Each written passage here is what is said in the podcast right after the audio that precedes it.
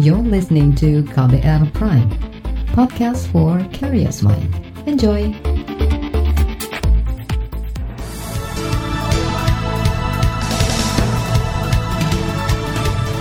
Selamat pagi saudara, senang sekali kami kembali bisa menjumpai Anda pagi hari ini melalui program Buletin Pagi, edisi Rabu 28 Oktober 2020. Pagi hari ini sejumlah informasi telah kami siapkan untuk Anda. Di antaranya, daerah berlakukan tes acak bagi pendatang untuk cegah klaster libur panjang.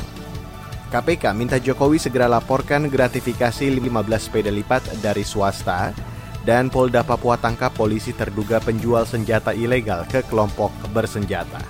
Bersama saya Reski Mesanto, inilah Buletin Pagi selengkapnya. Terbaru di Buletin Pagi. Saudara, berbagai pihak melakukan antisipasi mencegah munculnya klaster baru penularan COVID-19 di masa libur panjang pekan ini, terutama daerah tujuan mudik seperti Jawa Barat dan Jawa Tengah. Libur panjang dimulai Rabu hari ini hingga Minggu atau lima hari. Pemerintah Provinsi Jawa Barat memperlakukan status siaga satu untuk mengantisipasi libur panjang. Status siaga satu berlaku sejak Selasa kemarin. Petugas kepolisian juga diturunkan ke lapangan untuk menjaga titik-titik padat pergerakan orang, khusus di jalan tol pengawasan dipusatkan di Cikopo. Gubernur Jawa Barat Ridwan Kamil mengatakan pemerintah daerah juga menambah petugas di daerah-daerah wisata seperti di Lembang, Puncak, dan lain-lain. Tak hanya itu, pemerintah daerah juga bakal melakukan tes COVID-19 secara acak pada penumpang arus mudik atau wisata.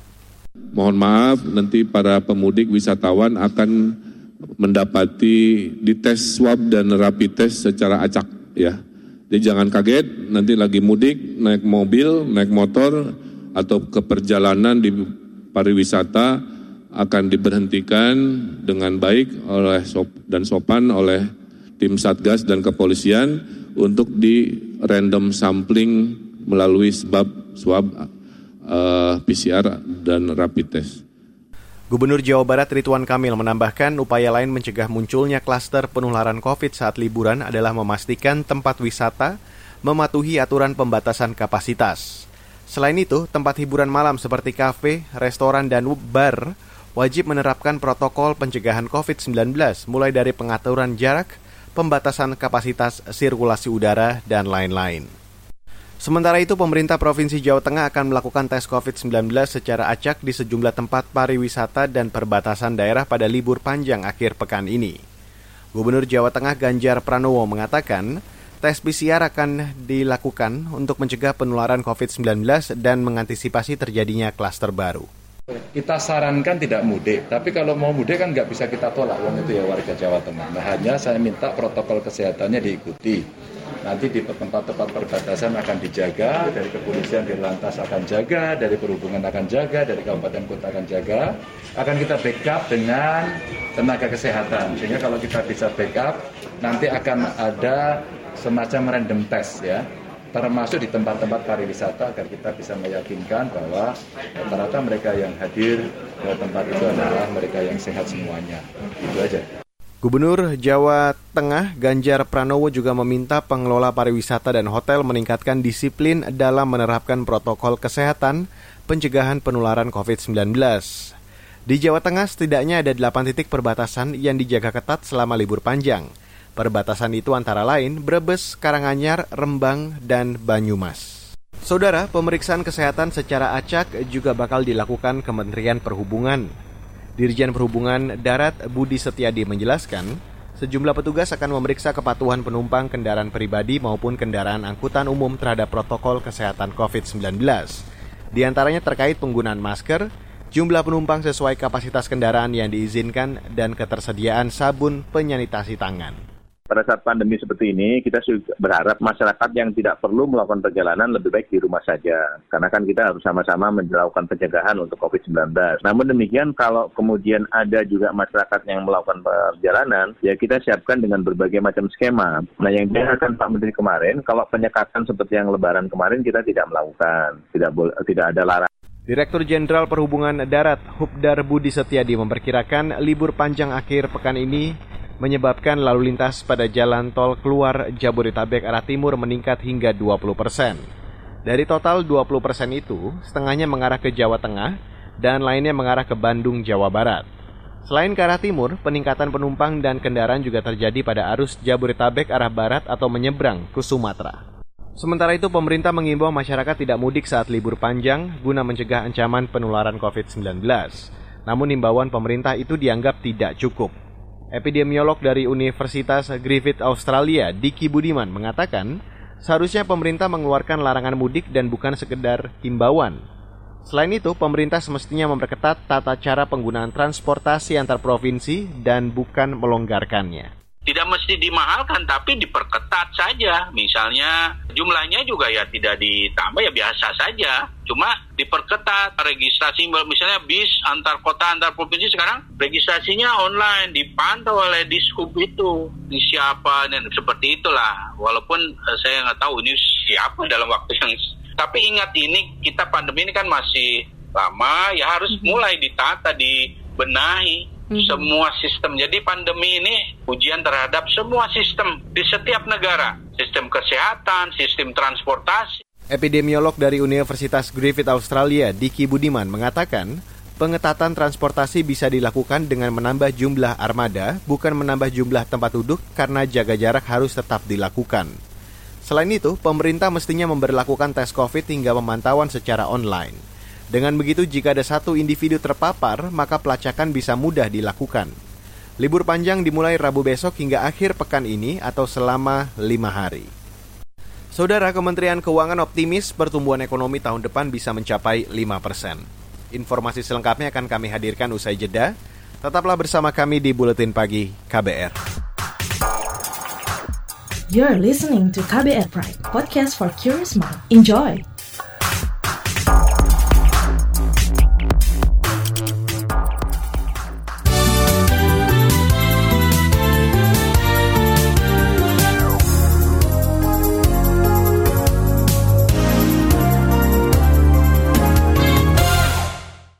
Komisi Pemberantasan Korupsi atau KPK mengimbau Presiden Joko Widodo melaporkan penerimaan gratifikasi sepeda lipat jika pemberian itu ditujukan untuk pribadi. Direktorat Gratifikasi KPK telah berkoordinasi dengan pihak istana terkait informasi penerimaan sepeda lipat edisi khusus Sumpah Pemuda kepada Presiden Joko Widodo melalui KSP. Juru bicara KPK IP Mariati mengatakan, informasi yang diperoleh sampai saat ini sepeda tersebut belum diterima Presiden dan masih akan dicek lebih lanjut. Selanjutnya, KPK akan melakukan analisis dan menetapkan status penerimaan gratifikasi apakah menjadi milik negara atau milik pelapor. Berdasarkan catatan KPK, Pak Jokowi telah memberikan keteladanan yang baik terkait dengan kepatuhan pelaporan gratifikasi.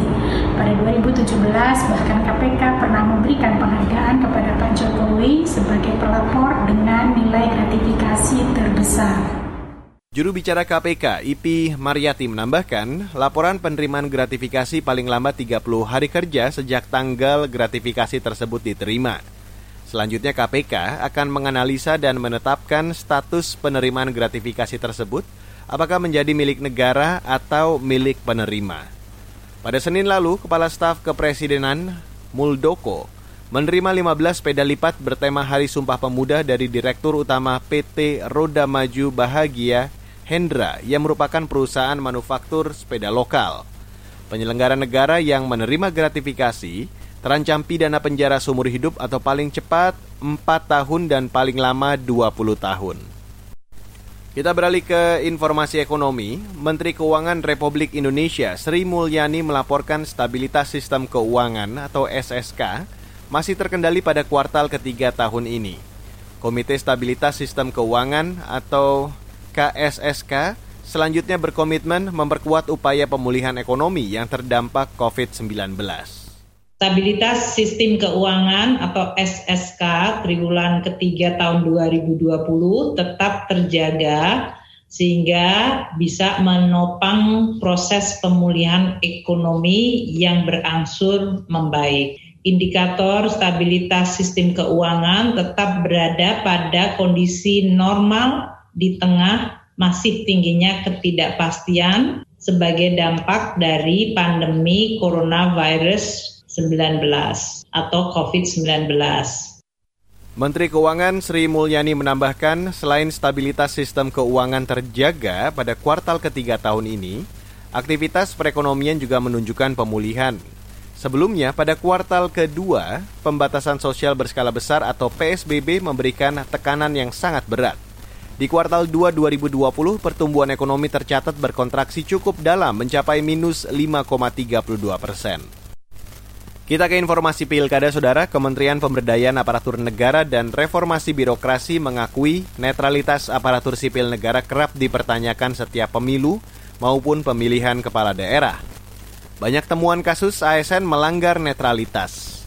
Meski begitu, Menteri Aparatur Negara Cahyo Kumolo tidak setuju dengan usulan pencabutan hak pilih ASN. Saya sendiri kurang sepakat kalau hak pilih ASN dicabut. Bagaimana dikemukakan oleh beberapa pihak. Karena salah satu ciri negara demokrasi yang matang adalah supremasi sipil, di mana hak pilih itu betul-betul dapat diwadahi. Hanya saja memang karakternya menjadi khas. ASN tidak boleh menjadi partisan karena ada identitas negara yang ia wakili atau yang ia bawa Menteri Pemberdayaan Aparatur Negara Cahyo Kumulo menegaskan, aparatur sipil hanya memiliki hak pilih saat berada di dalam bilik suara. Sedangkan di luar bilik, ASN tidak memiliki hak mengumbar pilihannya guna mempengaruhi pilihan pemilih lain. Usulan pencabutan hak pilih aparatur sipil negara saat ini kembali dilontarkan sejumlah pihak, di antaranya dari Komite Pemantau Pelaksanaan Otonomi Daerah atau KPPOD, Usulan sebelumnya pernah muncul pada 2018 maupun saat pembahasan RUU Pemilu pada Juli lalu. Kita beralih ke berita dari mancanegara. Puluhan ribu orang memadati jalan-jalan utama di kota Dhaka, ibu kota Bangladesh pada Selasa kemarin. Mereka berdemonstrasi memprotes pernyataan Presiden Prancis Emmanuel Macron yang dianggap menghina Islam dan Nabi Muhammad. Mengutip AFP, masa yang menggelar aksi anti Prancis berjumlah sekitar 40 ribu orang. Polisi berhasil membubarkan masa sebelum mereka mencapai gedung kedutaan besar Prancis di Dhaka. Reaksi anti Prancis terjadi di berbagai negara, terutama yang memiliki banyak penganut Islam. Di Suriah, warga membakar foto Presiden Prancis. Sedangkan di kota Tripoli, ibu kota Libya, bendera Prancis dibakar. Kemarin muncul setelah Presiden Prancis Emmanuel Macron menyebut Islam sebagai agama yang sedang mengalami krisis. Pernyataan Macron itu muncul setelah terjadinya kasus pembunuhan keji yang dilakukan kelompok garis keras terhadap seorang guru di Paris, Prancis. Pembunuhan dipicu penggunaan kartun Nabi Muhammad sebagai alat peraga di sekolah. Kita beralih ke informasi olahraga. Pertandingan tinju eksebisi antara dua veteran kelas berat Mike Tyson dengan Roy Jones Jr. dikabarkan akan memperebutkan sabuk juara WBC. Pertarungan dua petinju gaik berusia di atas 50 tahun itu rencananya digelar 28 November mendatang.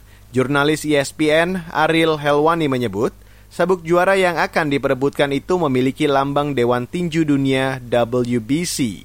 WBC selama ini ikut ambil bagian dalam rencana pertarungan dua petinju yang sudah pensiun itu.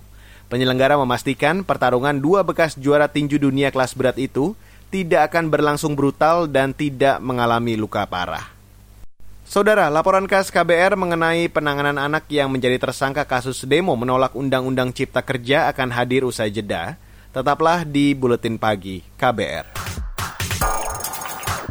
You're listening to KBR Pride, podcast for curious mind. Enjoy!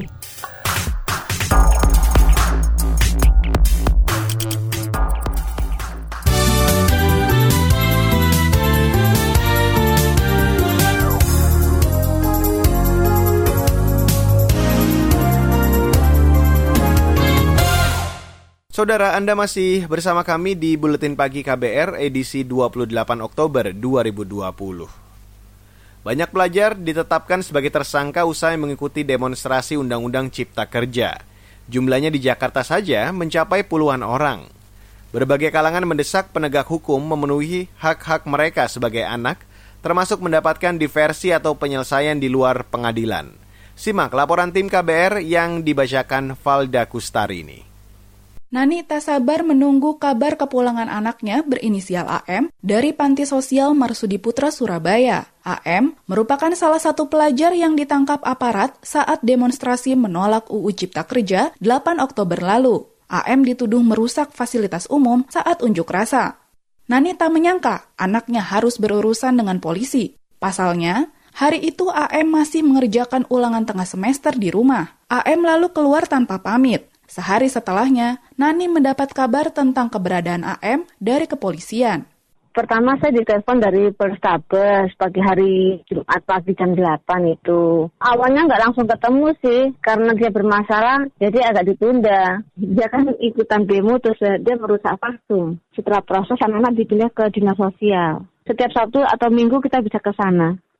Kepada Nani, AM bercerita mendapat kekerasan dari aparat saat penangkapan. AM ditendang di bagian tubuh, sedangkan temannya di bagian wajah. Selain itu, AM juga digunduli aparat. Waktu BAP katanya nggak ada sih, cuma katanya waktu turun dari mobil itu mereka ada yang diinjak, ada yang ditendang. Setelah proses ketemu dengan saya dan dia mau dipindah ke dinas sosial itu baru digunduli. Katanya Bapak itu seharusnya nggak terjadi karena mereka kan bukan kriminal dan mereka juga masih anak-anak. Nani tengah menunggu keterangan bebas dari kepolisian. Pengadilan sudah mengabulkan permohonan penyelesaian di luar persidangan atau diversi. Namun, belum ada kepastian kapan AM bisa pulang. Kemarin ada diversi juga sih. Sudah ada kesepakatan, tapi ini masih tunggu apa ketetapan, berkas ketetapan. Ini tinggal tunggu bertanya lagi, nggak tahu kapan anaknya bisa keluar. Sudah ada putusan anaknya akan dipulangkan. Selain AM, ada dua anak lain yang mendapat pendampingan dari LSM Komisi untuk Orang Hilang dan Korban Tindak Kekerasan Kontras. Ketiganya berstatus tersangka karena merusak mobil patroli milik Polres Gresik. Mereka dijerat tiga pasal, yakni kekerasan, penyerangan aparat, dan penghasutan. Koordinator Kontras Surabaya, Fatul Koir. Cuman prosesnya nggak sampai pengadilan karena versinya dikabulkan gitu. Dan kemarin proses mediasi berhasil gitu loh. Jadi artinya kedua belah pihak sepakat untuk tidak melanjutkan proses ini ke pengadilan karena dia masih anak-anak berdasarkan rekomendasi bapak gitu. Menurut Fatul, selama tiga pekan berada di panti rehabilitasi, anak-anak itu diperlakukan dengan baik. Hak-hak mereka juga terpenuhi. Kontras mendesak ada pengusutan terhadap pelaku tindak kekerasan terpenuhi semua, terpenuhi soal termasuk akses pendidikan, jadi uh, keluarga diberikan untuk misalkan tiap pagi uh, mendampingi anaknya untuk hari di sekolah gitu. Jadi mereka diperlakukan dengan baik selama di di Panti Margivi itu diperlakukan dengan baik. Belum ada data rinci tentang jumlah anak yang berurusan dengan hukum usai ikut demo UU Cipta Kerja. Di Jakarta saja, masih ada 30-an anak yang ditahan dan berstatus tersangka. Kepolisian mengklaim proses penanganan akan selalu merujuk pada sistem peradilan anak. Menurut Kepala Unit Pelayanan Perempuan dan Anak PPA Bareskrim Polri, Emma Rahmawati, polisi pasti memulangkan anak yang tak terbukti melakukan tindak pidana. Prosesnya pun dijalankan sesuai prosedur. Karena kan kebanyakan juga yang diamankan itu yang memang tidak terbukti melakukan tindak pidana pasti akan dikembalikan kepada orang tua dengan memanggil orang tuanya. Diserahkan secara resmi di kantor kepolisian sebagai pertanggungjawaban bahwa telah mengamankan si anak harus dikembalikan langsung kepada orang tua. Ketua Lembaga Perlindungan Anak Indonesia, Seto Mulyadi mengkritik cara kepolisian menangani anak yang terlibat dalam demo hak-hak mereka kerap tak dipenuhi saat menjalani proses hukum. Menurut Seto, kepolisian semestinya juga memperkuat koordinasi dengan pemerintah daerah hingga pusat untuk mencegah anak-anak terlibat demo aparat penegak hukum mohon tetap mengedepankan kepentingan terbaik bagi anak. Bahwa anak-anak harus tetap dilindungi dan tetap ada pengarahan kerjasama antara kepolisian dengan Kementerian Pendidikan secara nasional supaya betul-betul anak-anak bisa menyalurkan energinya dengan cara yang lebih tepat dan positif. Larangan pelajar terlibat demo juga didukung pengamat pendidikan Doni Kusuma. Ia mengingatkan unjuk rasa bukanlah kewajiban pelajar, Orang tua dan sekolah perlu memberi perhatian untuk mencegah anak-anaknya turun ke jalan.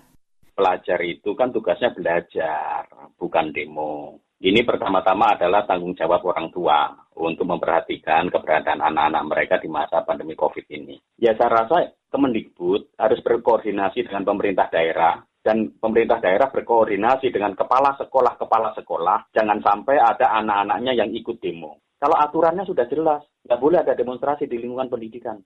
Demikian laporan tim KBR, saya Valda Kustarini. Demikian laporan khas KBR dan saudara informasi pilkada dan dari daerah akan kami sajikan usai jeda. Tetaplah di Buletin Pagi KBR.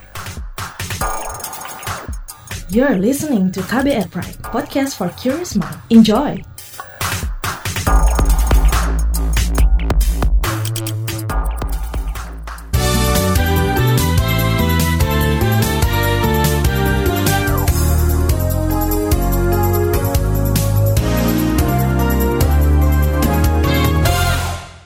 Saudara, inilah bagian akhir buletin pagi edisi 28 Oktober 2020. Saya Reski Mesanto. Kita ke Papua, Saudara. Kepolisian daerah Papua menduga ada orang pecatan dari institusi Polri yang terlibat penyelundupan dan memasok senjata api ke kelompok bersenjata di Papua. Kapolda Papua Paulus Waterpau mengatakan, terduga pelaku penyelundupan adalah beberapa orang yang dipecat dari kesatuan Polri karena melakukan pelanggaran fatal mereka diduga bekerja sama dengan seorang polisi aktif dalam kegiatan penjualan senjata api secara ilegal ke kelompok bersenjata di berbagai wilayah di Papua. Berkolaborasi dengan ada beberapa mantan anggota kita yang sudah dipecat. Kemudian juga berkolaborasi dengan para pihak yang menginginkan uh, senjata itu. Kami akan kembangkan. Ya, kami sudah lapor Bapak Kapolri, Bapak Wakapolri, mendukung untuk kita kembangkan. Kapolda Papua Paulus Waterpau menegaskan tidak akan melindungi jika ada anggota polisi yang terbukti bersalah. Para pelaku akan diproses hukum, baik hukuman disiplin Polri, kode etik hingga proses hukuman pidana. Belum lama ini Polda Papua menangkap seorang anggota polisi berinisial JH. Ia ditangkap di Nabere membawa dua senjata api laras panjang jenis M16 dan M4. Diduga senjata api akan dipasok kepada KKB di sejumlah wilayah Papua. Kita ke Jawa Barat, saudara kelompok buruh di Jawa Barat kembali berencana menggelar mogok massal. Ancaman mogok massal itu bakal dilakukan jika pemerintah tidak segera menyetujui kenaikan upah minimum provinsi atau UMP. Buruh menanggapi keluarnya surat edaran Menteri Ketenagakerjaan mengenai tidak adanya kenaikan upah pada 2021 karena masih masa pandemi. Juru bicara Aliansi Buruh Jawa Barat atau AJB Roy Jinto Feriawan mengatakan, Pemerintah seharusnya tunduk kepada aturan yang berlaku yaitu peraturan pemerintah nomor 78 tahun 2015. Aturan itu mewajibkan ada survei kebutuhan hidup layak pada tahun ini. Amanat PP 78 pasal 43 disebutkan, lima tahun setelah PP itu diberlakukan, maka dia harus melakukan survei KHL. Hari ini harusnya survei KHL, tapi pemerintah nggak mau melaksanakan. Jadi bisa saja skemanya inflasi plus KHL atau KHL plus inflasi atau melihat kalau tidak survei adalah rata-rata kenaikan lima tahun bisa dijadikan dasar karena yang surat edaran itu nggak ada dasar hukumnya. Juru bicara Aliansi Buruh Jawa Barat atau AJB Roy Jinto Feriawan juga mendesak Gubernur Jawa Barat Ridwan Kamil dan Dewan Pengupahan Jawa Barat segera menekan rekomendasi besaran UMP 2021. Dan apabila tuntutan itu tidak diperhatikan, para buruh akan berencana mogok massal serta aksi di Jawa Barat dan Jakarta. Tuntutan kenaikan UMP 2021 juga disuarakan sejumlah kelompok buruh lain, termasuk Konfederasi Aliansi Serikat Buruh Indonesia atau KASBI Jawa Barat. Dan saudara informasi tadi menutup jumpa kita di Buletin Pagi hari ini 28 Oktober 2020. Pantau juga informasi terbaru setiap jamnya di Kabar Baru, situs kbr.id, Twitter kami di account at berita KBR, serta podcast di alamat kbrprime.id. Akhirnya saya, Reski Mesanto, mewakili tim redaksi yang bertugas pagi hari ini, kami undur diri. Salam.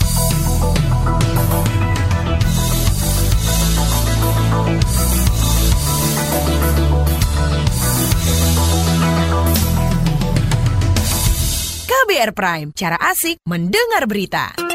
KBR Prime, podcast for curious mind.